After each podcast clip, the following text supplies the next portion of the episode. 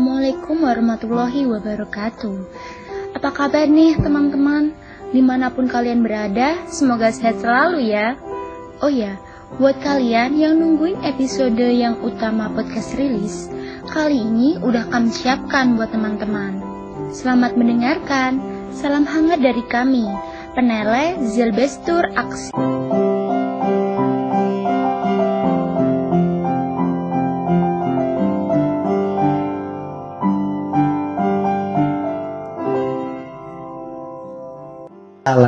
Assalamualaikum warahmatullahi wabarakatuh. Waalaikumsalam.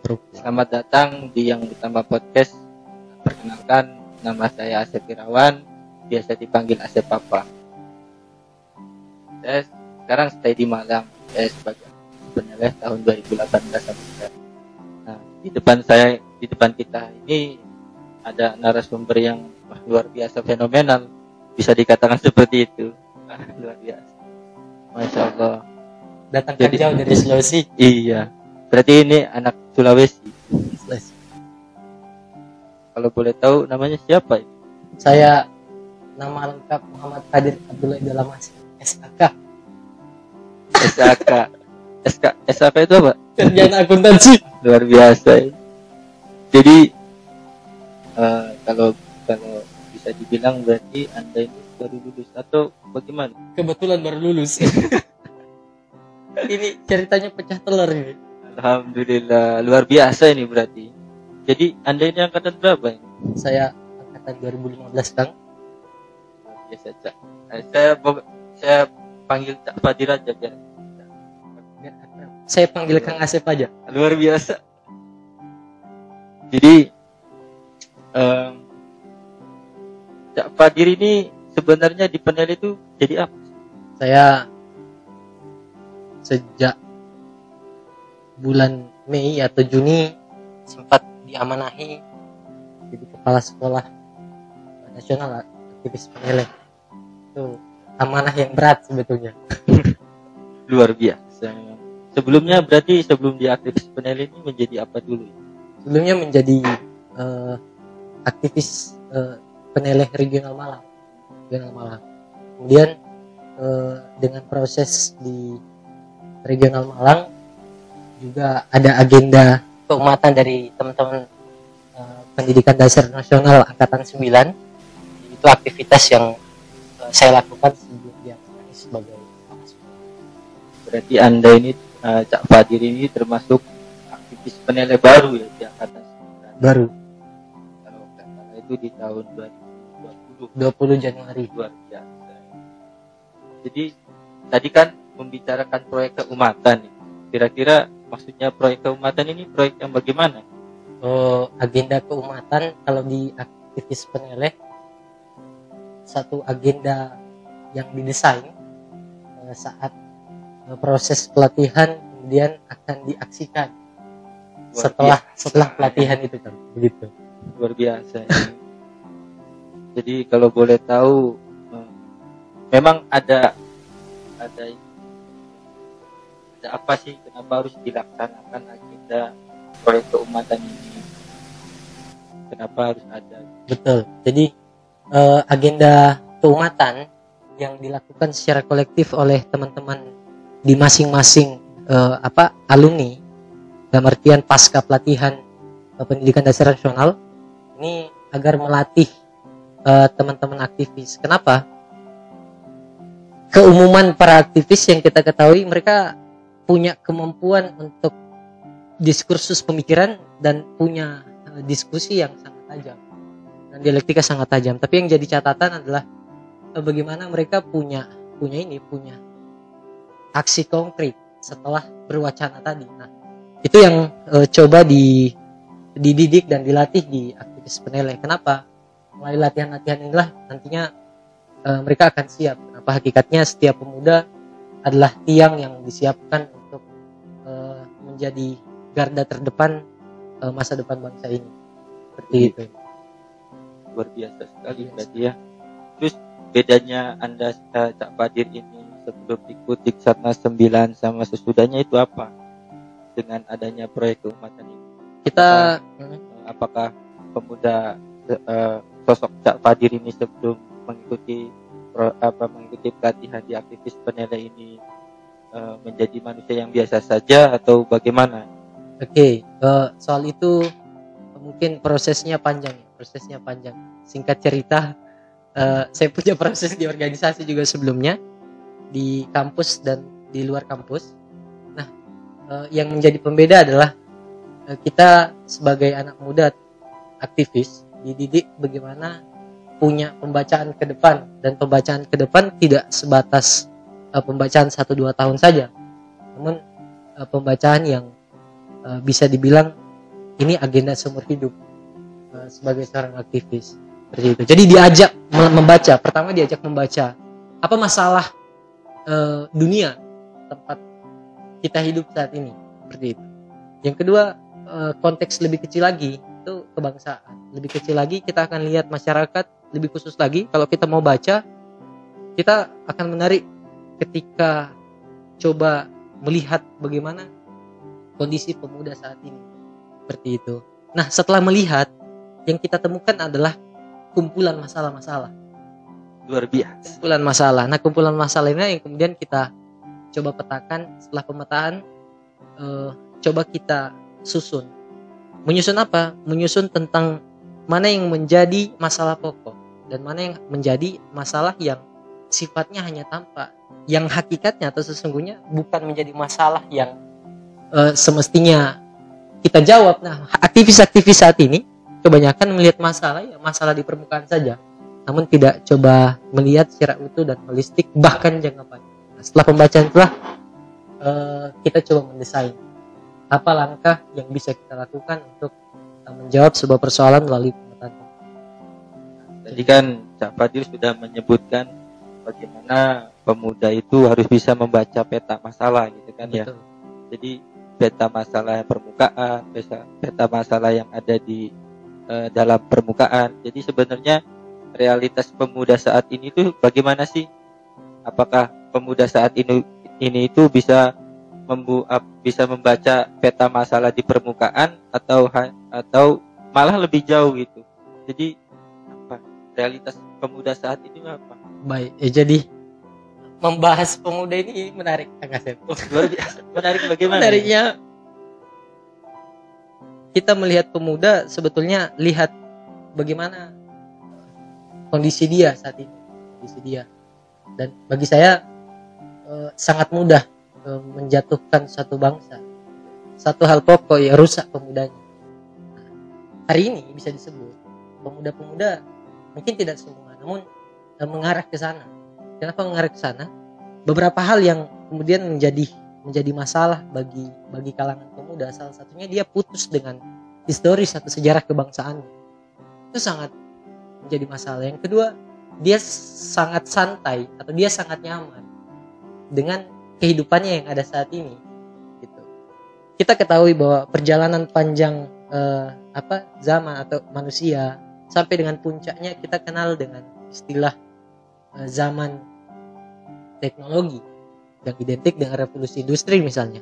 Nah, inilah yang yang membuat mereka sangat nyaman. Kenapa? Oh, gadget sangat melekat bahkan sangat ini sangat menyatu dengan dia. Dalam salah satu data menyebutkan bahwa mereka satu menit sebelum atau satu menit setelah bangun tidur eh, mereka langsung memegang HP. Itu presentasinya sekitar 79%. Nah, jadi saya mau bilang bahwa dua hal tadi dari eh, apa hilangnya historis kebangsaannya dia tidak memahami tentang sejarah kebangsaannya sehingga dia hilang arah perjuangannya. Yang kedua dia dibuatnya. Bagi saya mungkin banyak banyak masalah yang kemudian menjadi eh, problem di pemuda saat ini. Tapi eh, yang semestinya kita kita lihat ya dua hal ini. Karena dua hal ini membuat pemuda punya satu ini ya jangkar historis atau jangkar eh, apa beragama dan berbangsa yang baik seperti itu. Nah itu itu putus. Jadi dia tidak tahu ke belakang. Hari ini dia santai, ke depan dia tidak tahu mau ngapain.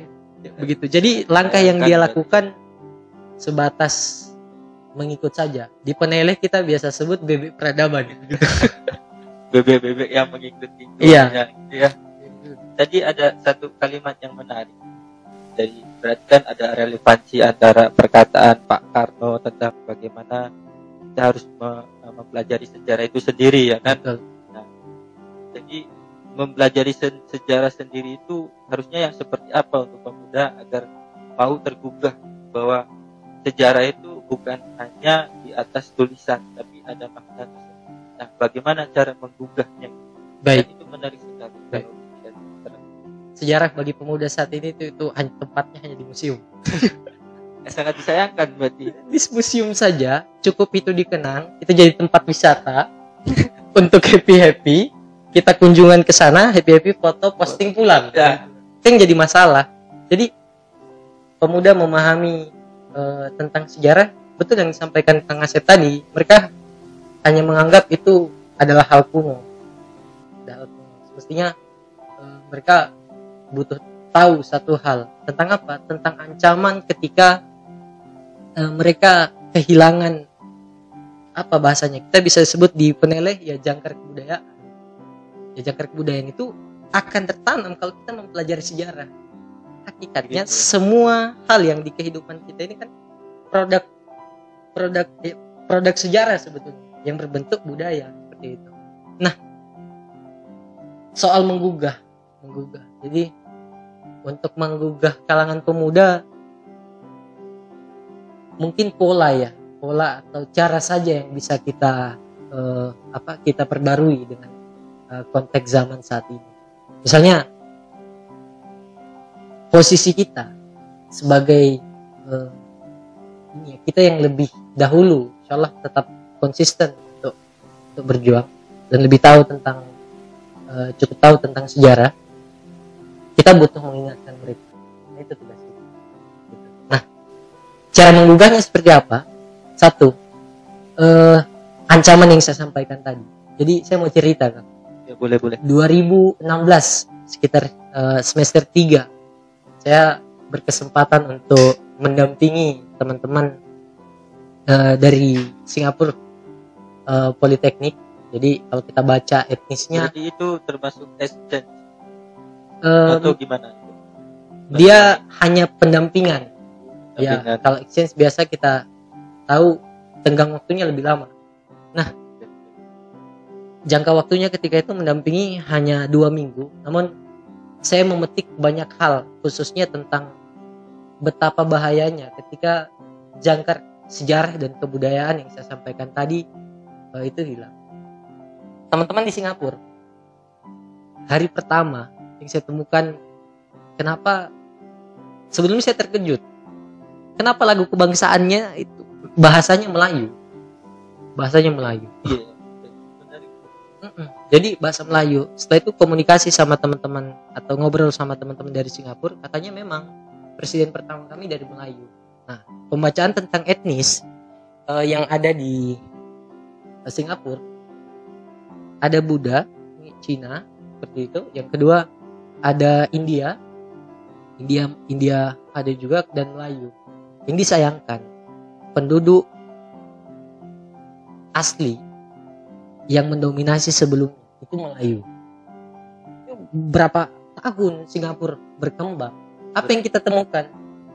Dominasi penduduk, dominasi pemudanya bahkan itu dikuasai oleh eh, etnis Cina misalnya. Kita tidak menyalahkan etnis Cina, namun betapa tergerusnya teman-teman yang di etnis Melayu ini. Saya membayangkan, biasa saya sampaikan ke teman-teman di beberapa tempat atau eh, ke pertemuan langsung bahwa kita bisa mencontoh itu. Tidak menutup kemungkinan akan terjadi di Indonesia. Bisa dibuktikan dengan mulai banyak bahasa ibu yang yang coba untuk. Oh, luar biasa. Eh, dominasi nilai yang coba masuk perlahan-lahan. Melalui apa? Melalui kesenangan-kesenangan yang dilakukan oleh kalangan pemuda. Sehingga cara menggugahnya adalah mem- memberitahu mereka betapa ancaman ini sangat berbahaya. Cara soal eh, cara menyampaikannya mungkin eh, kita bisa mendesain seperti itu. Mungkin itu Kang. luar biasa ini ah, jawabannya atas bagaimana membuka dari untuk sejarah yang telah ada jadi eh, sepenangkapan saya berarti eh, di dalam kenapa Bung Karno itu mengatakan Jadi karena memang sejarah itu ada adalah jangkar kebudayaan.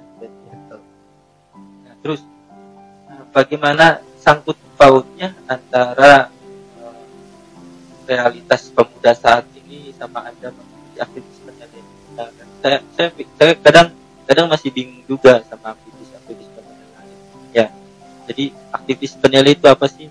Menurut uh, menurut pandangan Cak Fajir baik. Uh, secara simpelnya gitu kan. oke. Okay. uh, sederhananya aktivis penilai itu aktivis pilihan. Uh, pilihan yang ya. bagaimana ya? kenapa pilihan?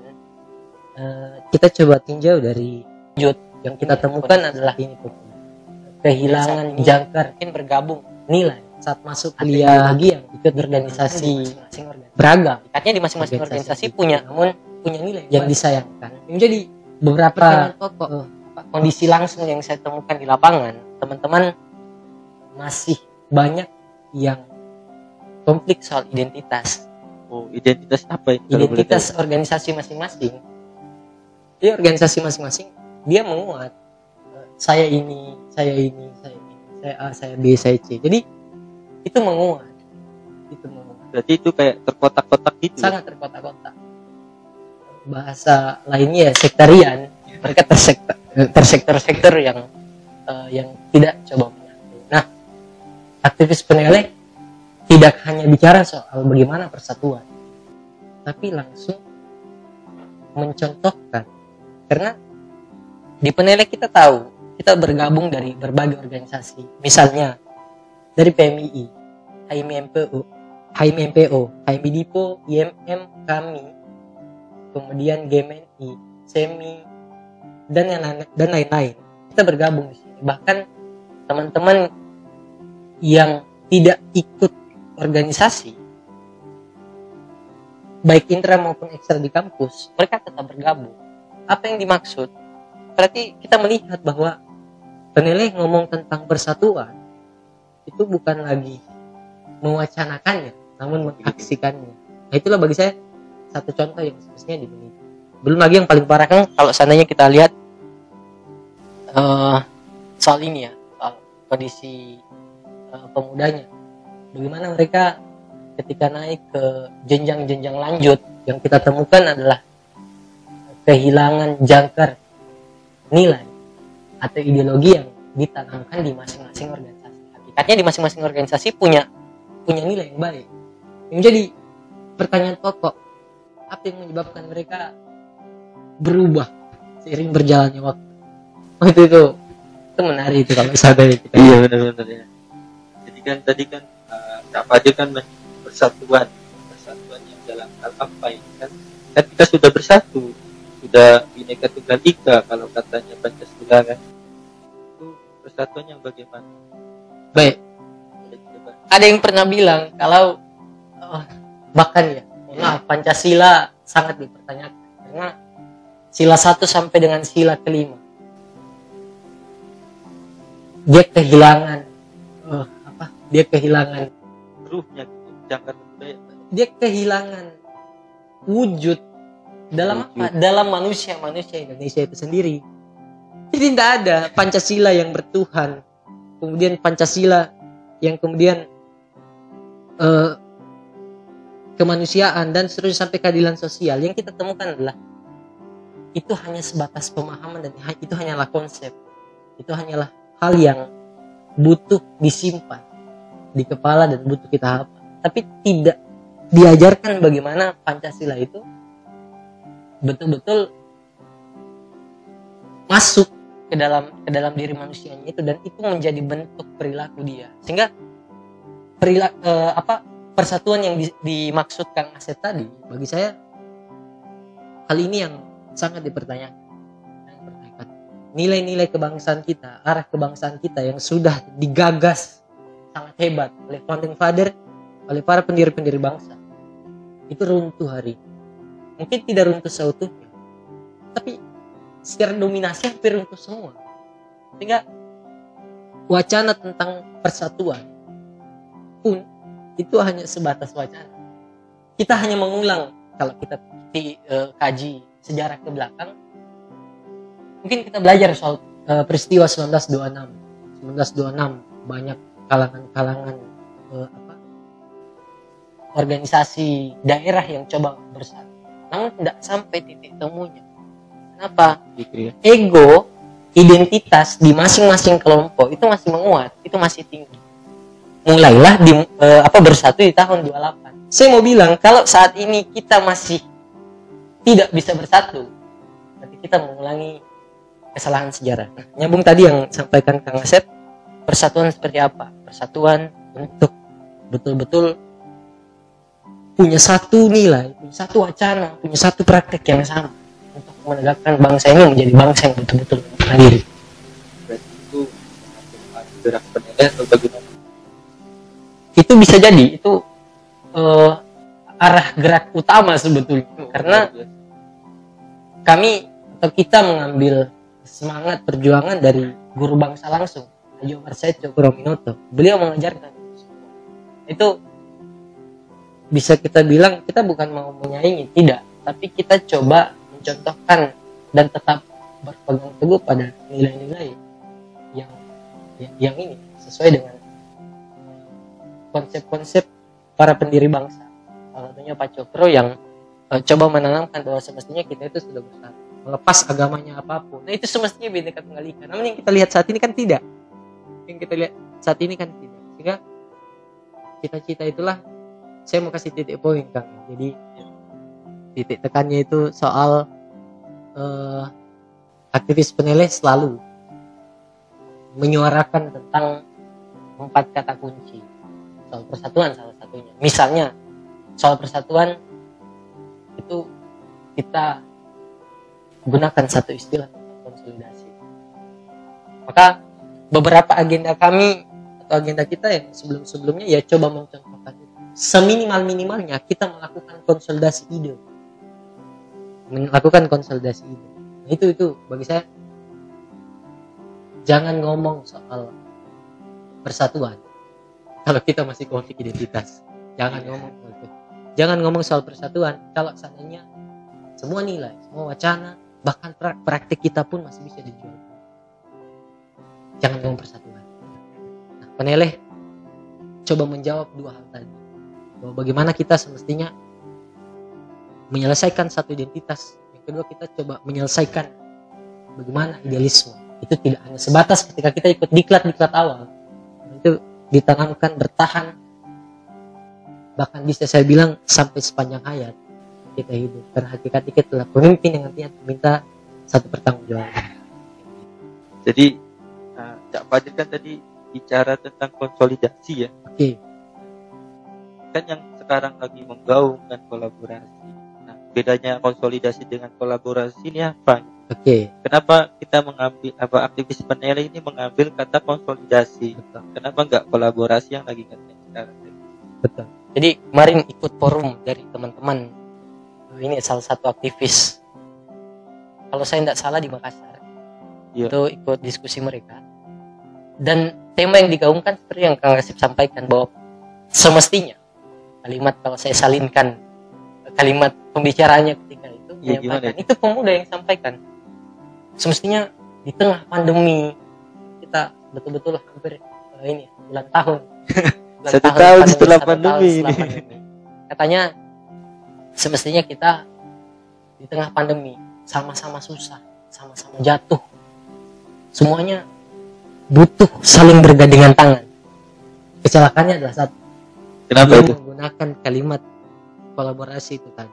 Nah ini mungkin tidak menjadi kajian mendalam ya bagi teman-teman aktivis lain bahwa mereka terjebak dalam dalam satu kata yang mengarahkan mereka. Kalau kita tarik lebih mendalam, kata tentang kolaborasi ini, di baliknya ada apa? Di baliknya ada motif tentang kepentingan individu ya hanya sebatas itu yang disayangkan. Bahkan organisasi yang berbasis agama pun terjebak di sini. Nah yang kedua kenapa penilai memilih istilah konsolidasi? Karena kolaborasi satu saat atau satu waktu mereka tidak ketemu soal kepentingan masing-masing. Baik kepentingan individu ataupun kepentingan kelompok. Bisa jadi akan kisah itu yang membedakan. Apa bedanya dengan konsolidasi? Konsolidasi yang dicita-citakan. Cita-cita utamanya adalah tentang persatuan. Jadi bersatu kita. Jelas payung kebangsaan kita. Kita adalah negara hukum. Semestinya kita menegakkan hukum yang seperti apa? Hukum yang betul-betul nah jadi itu yang membedakan kang Ko- kolaborasi dan konsolidasi itu pemuda hari ini bisa saya bilang terjemah Berarti kalau saya simpulkan kalau diibaratkan itu konsolidasi itu kayak minyak dan air. Walaupun dia dalam satu ruang, tapi dia punya kepentingan dan ego sendiri. gitu ya. betul Berarti kalau konsolidasi itu memang memang benar-benar menyatu Betul. sesuai dengan kata bineka tunggal ika Betul. sendiri. itu kopi dan gula teh dan gula dia akan melebur gitu Dan menjadi nikmat ketika Ya, takarannya pas dan Iya. diminum dengan, betul dengan dalam keadaan santai. Nah, dari dari sini kan kita, kalau saya menyimpulkan sendiri ya, Betul. kalau aktivis penilai itu berarti adalah manusia pilihan yang memang untuk menyatukan umat bangsa ini. Sesuai dengan karakter Pancasila yang me- yang mengangkat bineka tunggal ika. Di sini kan Cak Fadir ini sebagai kepala sekolah. Nah, tadi kan sudah menjelaskan bagaimana cara Cak Fadir ini ikut forum di penilaian. Kalau boleh tahu forum apa aja sih? Saya saya saya misalkan ini, saya bukan aktivis penilai, Ya. saya bukan saya bukan ya maksudnya yang tidak punya organisasi dan saya punya organisasi dan mungkin saya ini ya. Nah, kalau saya pengen masuk ke penilai itu caranya bagaimana? Tadi yang disampaikan forum itu forum yang seperti apa ya? sehingga Cak Fadir itu bisa masuk ke penilai dan jadi keluarga aktivis penilai itu sendiri. betul. Jadi pertama soal ini ya soal saya mau jawab bagaimana bisa bergabung. Seperti itu. Yang kedua cara bergabungnya seperti apa? Iya benar soal kenapa kebanyakan pemuda. Bagi bagi saya tergugah untuk ini bergabung melibatkan dirinya untuk berjuang di peneleh. Mereka mereka lah yang bagi saya tidak punya topeng. Tidak punya topeng. Topeng tentang apa? To- topeng tentang berjuang. Dia punya satu cita-cita individu dia punya satu cita-cita kelompok tertentu bukan atas nama umat. Bagi saya eh, alhamdulillah sampai sejauh ini teman-teman yang masuk dan berproses kemudian betul-betul berproses ya adalah mereka-mereka yang kalau kata Kang Asep kan manusia-manusia ikhlas. Ikhlas pahami dia abdi Tuhan kayak begitu untuk mengabdi untuk Tuhannya dengan cara berjuang di bumi. Nah yang tidak bertopeng kenapa? Karena mereka yang betul-betul murni hatinya matanya melihat satu persoalan. Itu bagi saya mereka-mereka itulah yang tergugah. Karena penilai dengan tegas mengatakan itu bahwa keberpihakan kita ke mana bukan pada keberpihakan golongan tertentu bukan keberpihakan pada individu tertentu dan kita berjuang atas nama mereka tidak sehingga mereka-mereka yang terbuka matanya untuk melihat realitas mereka akan memilih untuk untuk bergabung Soalnya mungkin soal pembacaan dia ya, pembacaan dia tentang masalah hanya masalah-masalah yang sifatnya tampak saja. Yang jadi soal. Iya, Nah. iya, iya. Sedangkan bukan hanya yang tampak, namun yang tersembunyi. Kadang mereka yang tergugah. Beberapa kali forum kita ada forum rutinan, satunya daras eh, buku jejak dan perjuangan Haji Umar Said Cokro-Minoto Kalau nggak salah lihat jadwalnya besok. besok insya Allah. Nah, dan minggu selanjutnya kita selang-seling salah satunya mereka dalam kebenaran ini maklum opus atau bisa disebut ini karya ma'rifat dari guru bangsa atau Pak Cukro langsung. Ada satu anak yang menarik kan di salah satu forum. Apa? saya lupa adik namanya itu jadi dia sempat bertanya tentang situasi dan kondisi saat ini dan bagi saya dia tersentuh dan bagi saya ketersentuhan itu muncul ketika itu pesan yang keluar bukan dari ucapan saja bukan dari kemampuan retorika saja Lihat mereka tapi berbicara. iya, kemampuan kemampuan itu yang kadang mengelabui tapi yang membuat dia tersentuh adalah eh, betul-betul pesan itu tidak hanya dari mulut dari pikiran tapi dari hati nah itu sih bagi saya yang membuat teman-teman di uh, aktivis peneleh uh, memilih untuk bergabung ada yang bilang kan ini bukan saya yang sampaikan Iya. tapi Gimana itu? uh, salah satu teman yang coba kita ajak diskusi ada satu kata kunci yang beliau sampaikan di tengah kondisi saat ini pemuda arahnya terjebak semua Sehingga dia sampaikan ini salah satu aktivis organisasi dia sampaikan bahwa kita butuh wadah alternatif yang betul-betul keberpihakannya jelas dan betul-betul tidak bersembunyi di balik motif-motif kepentingan tertentu. Itu dia sampaikan. Dan salah satu jawabannya adalah itu benar. Karena dia melihat melihat kondisi yang nyata dan itu sentuhan hati bahwa itu keluar begitu saja. Jadi mereka yang sadar sadar utuh atau mungkin dia sadarnya ya tergugah dengan Ber- apa yang sedang kita lakukan. Berarti ini. sadarnya itu bukan karena melihat euforia, bukan tapi dari kedalaman eh, pergerakan. betul. Misalnya kan tadi sudah berarti manusia yang tergugah itu akan tetap menjadi dan yang belum itu akan tetap menjadi. Betul. Eh, jadi pendidikan formal yang bisa saya ikut itu apa aja? Baik. Jadi kalau pendidikannya kan kita punya komponen dan jenjang pendidikan seperti itu. Ada berapa jenjang? Itu tidak bisa kita sebutkan karena akan terus berlanjut. Belajar itu sepanjang hayat. Oh begitu. Begitupun pendidikan di Peneleh. Nah, eh, soal komponennya misalnya, kita untuk jalur pemuda atau mahasiswa, eh, kita ada ini satu pelatihan yang disebut eh, dengan pendidikan dasar nasional. Itu. Ini biasa kalangan-kalangan aktivis, pemuda, tadi yang mahasiswa ataupun dia kalangan pemuda, ya, dia akan mengikuti jalur ini. Eh, ini jenjang satu.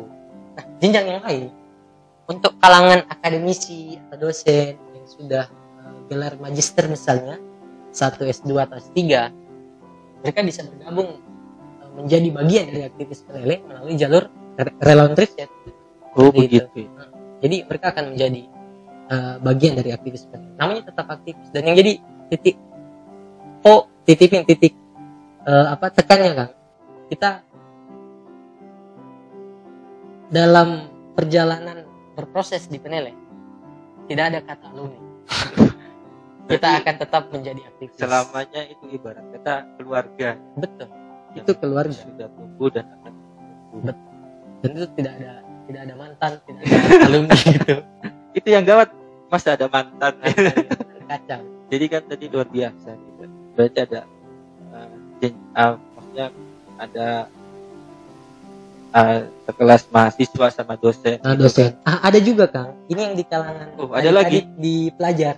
Luar biasa ini. sekolah itu Karena ini lagi- pembacaan kita bahwa kalau kita hitung data tidak banyak kemudian anak-anak yang di, per- di pendidikan tinggi SMA, MA, SMK ataupun pondok yang punya kesempatan untuk eh, melanjutkan jenjang pendidikannya ke pendidikan sehingga kenapa kita selamatkan mereka sejak awal.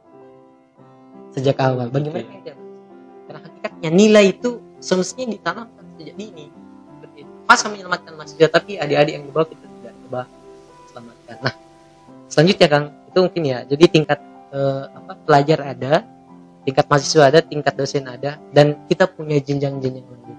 Nah jenjang-jenjang lanjutan itu untuk apa? Untuk membentuk betul-betul anak bangsa. Bahkan yang sudah berusia lanjut seperti itu. Tetap berpegang teguh pada nilai-nilai perjuangan. Nilai perjuangan. Jadi pendidikan kita akan terus berkelanjutan Berarti kalau saya simpulkan ini polanya pola yang sikling bukan linear. Kalau linear kan pasti ada pentok. betul Istilahnya kalau lulus uh, kuliah S3 ya udah S3. Setelahnya nggak tahu. Berarti kalau di penilaian ini luar biasa. Berarti. Sampai akhir hayat bayangkan mencari ilmu kan memang eh, kalau di dalam Islam kan sendiri harus sampai harus sampai liang lahat kan ya. Nah, apa pentingnya ini? Yang jadi satu pertanyaan mengganjal dalam hati saya. Apa pentingnya menjadi aktivis penilai? Kalau kalau kata Cafadir tadi kan sudah menjelaskan bahwa eh, aktivis penilai itu adalah orang pilihan yang hatinya tergugah. Em- Emang bedanya sama aktivis lain itu apa sih? satu organisasi uh, yang ada kita bisa saling mengingat ini bagian dari saling mengingatkan satu sama lain karena kita menginginkan bahwa ayo kembali kembali ke hitoh atau arah perjuangan yang sesungguhnya itu jadi jangkar tentang gerakan seperti apa kang? Jangkar nilai.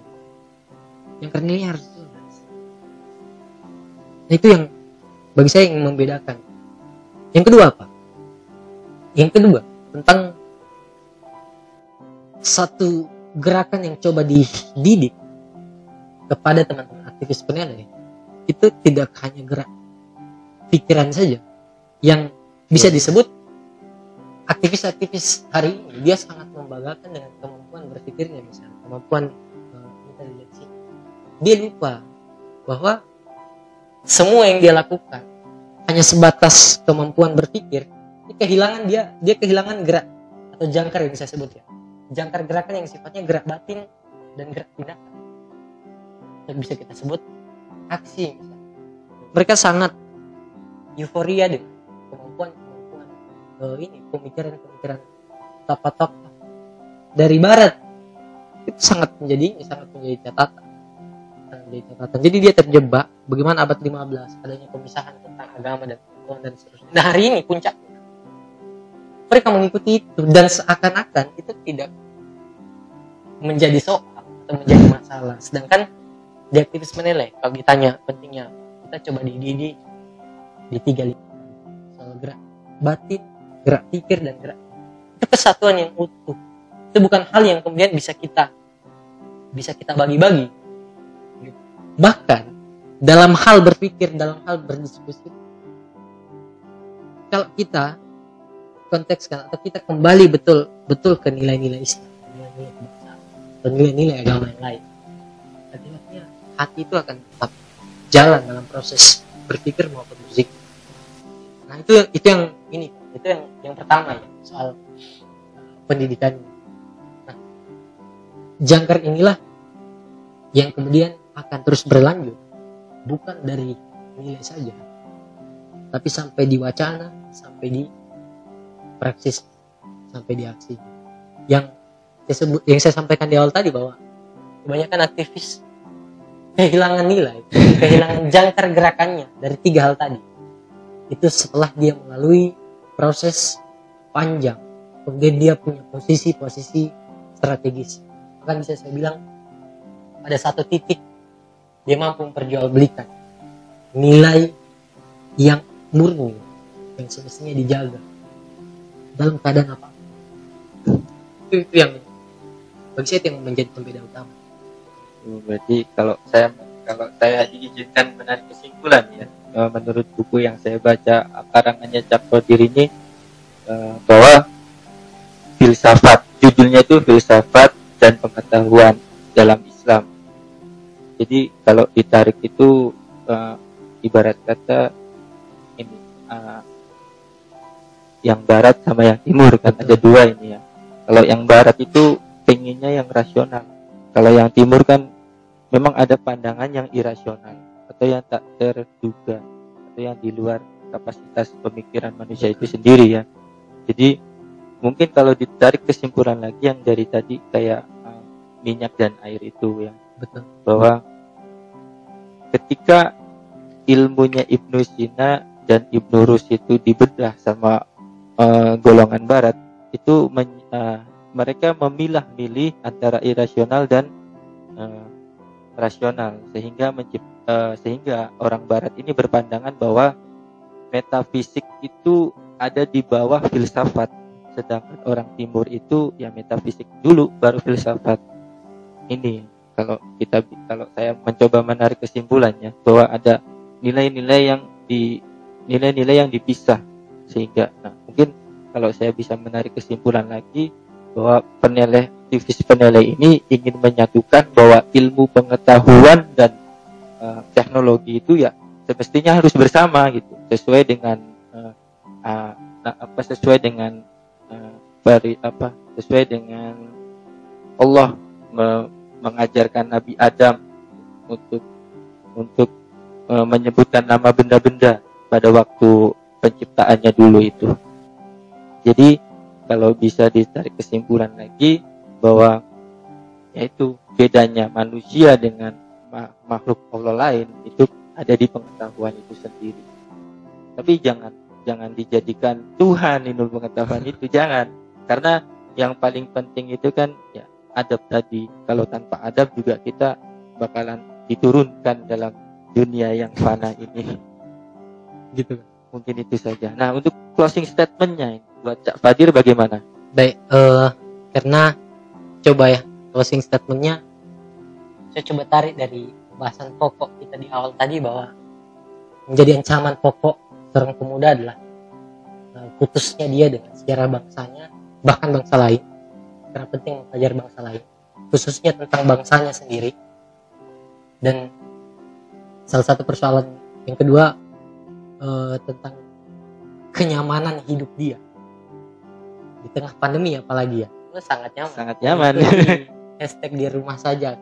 Sehingga dia tidak memilih untuk bergerak. Pelan-pelan eh, perlahan-lahan kan yang kita ketahui mereka menjadi manusia-manusia yang individualis. Hmm, dan bener, menjadi manusia-manusia yang uh, sangat sangat ini dikuasai oleh teknologi itu kan menjadi ya, nah. ikut video-video joget itu ya. Nah, itu yang masalah. Nah uh, dua masalah tadi kan. Mestinya pemuda sadar bahwa ketika mereka kehilangan dua hal tadi mereka akan sangat menjadi uh, ancaman.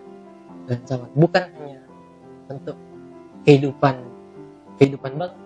Semestinya kalau dia sadar itu menjadi ancaman bagi kehidupan dia. Ketika dia betul-betul sadar dia sebagai anak bangsa. Nah konteks keaktivis kan? Itu soal pemuda pada umumnya. Yang hidup di zaman teknologi eh, saat ini. Untuk teman-teman yang di kalangan pemuda aktivis misalnya. Pemuda aktivis semestinya jangan putus dengan siar perjuangan sehingga dia betul-betul paham ke mana arah bangsa bisa dibawa.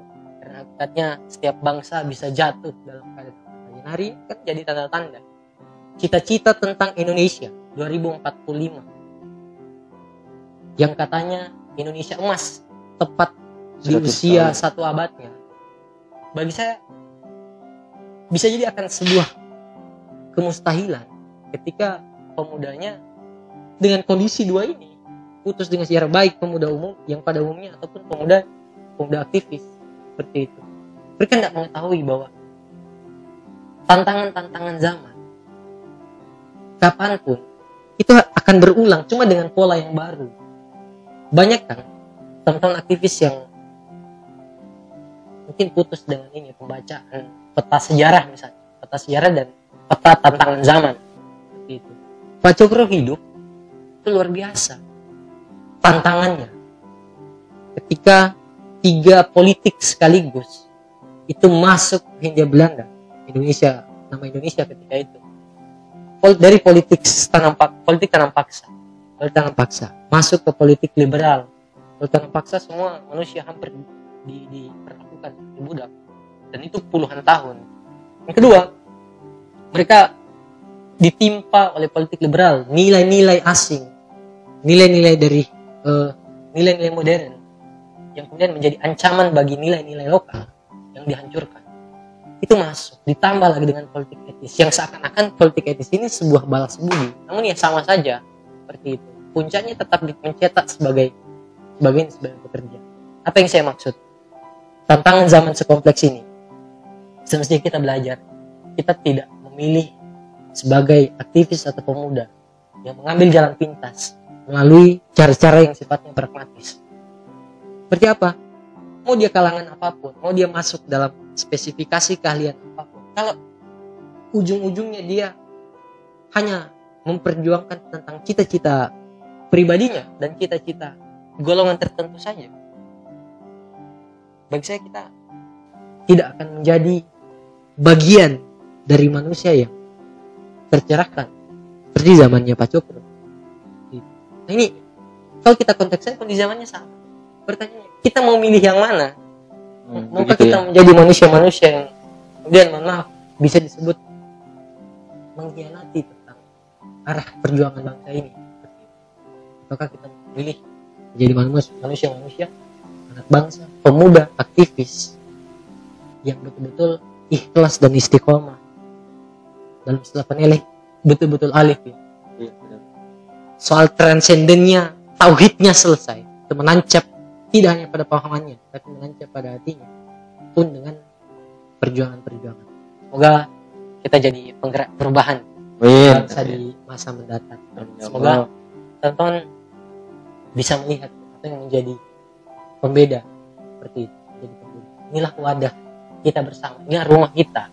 Inilah jembatan. Inilah rumah kebangsaan yang memayungi semua golongan anak bangsa. Ketika dia punya satu cita-cita untuk memendirikan bangsa ini. Dalam istilah Pak Cokro Zelbestur. Atau kemandirian dalam politik kemandirian dalam ekonomi kemandirian dalam basis ideologi atau kebudayaan.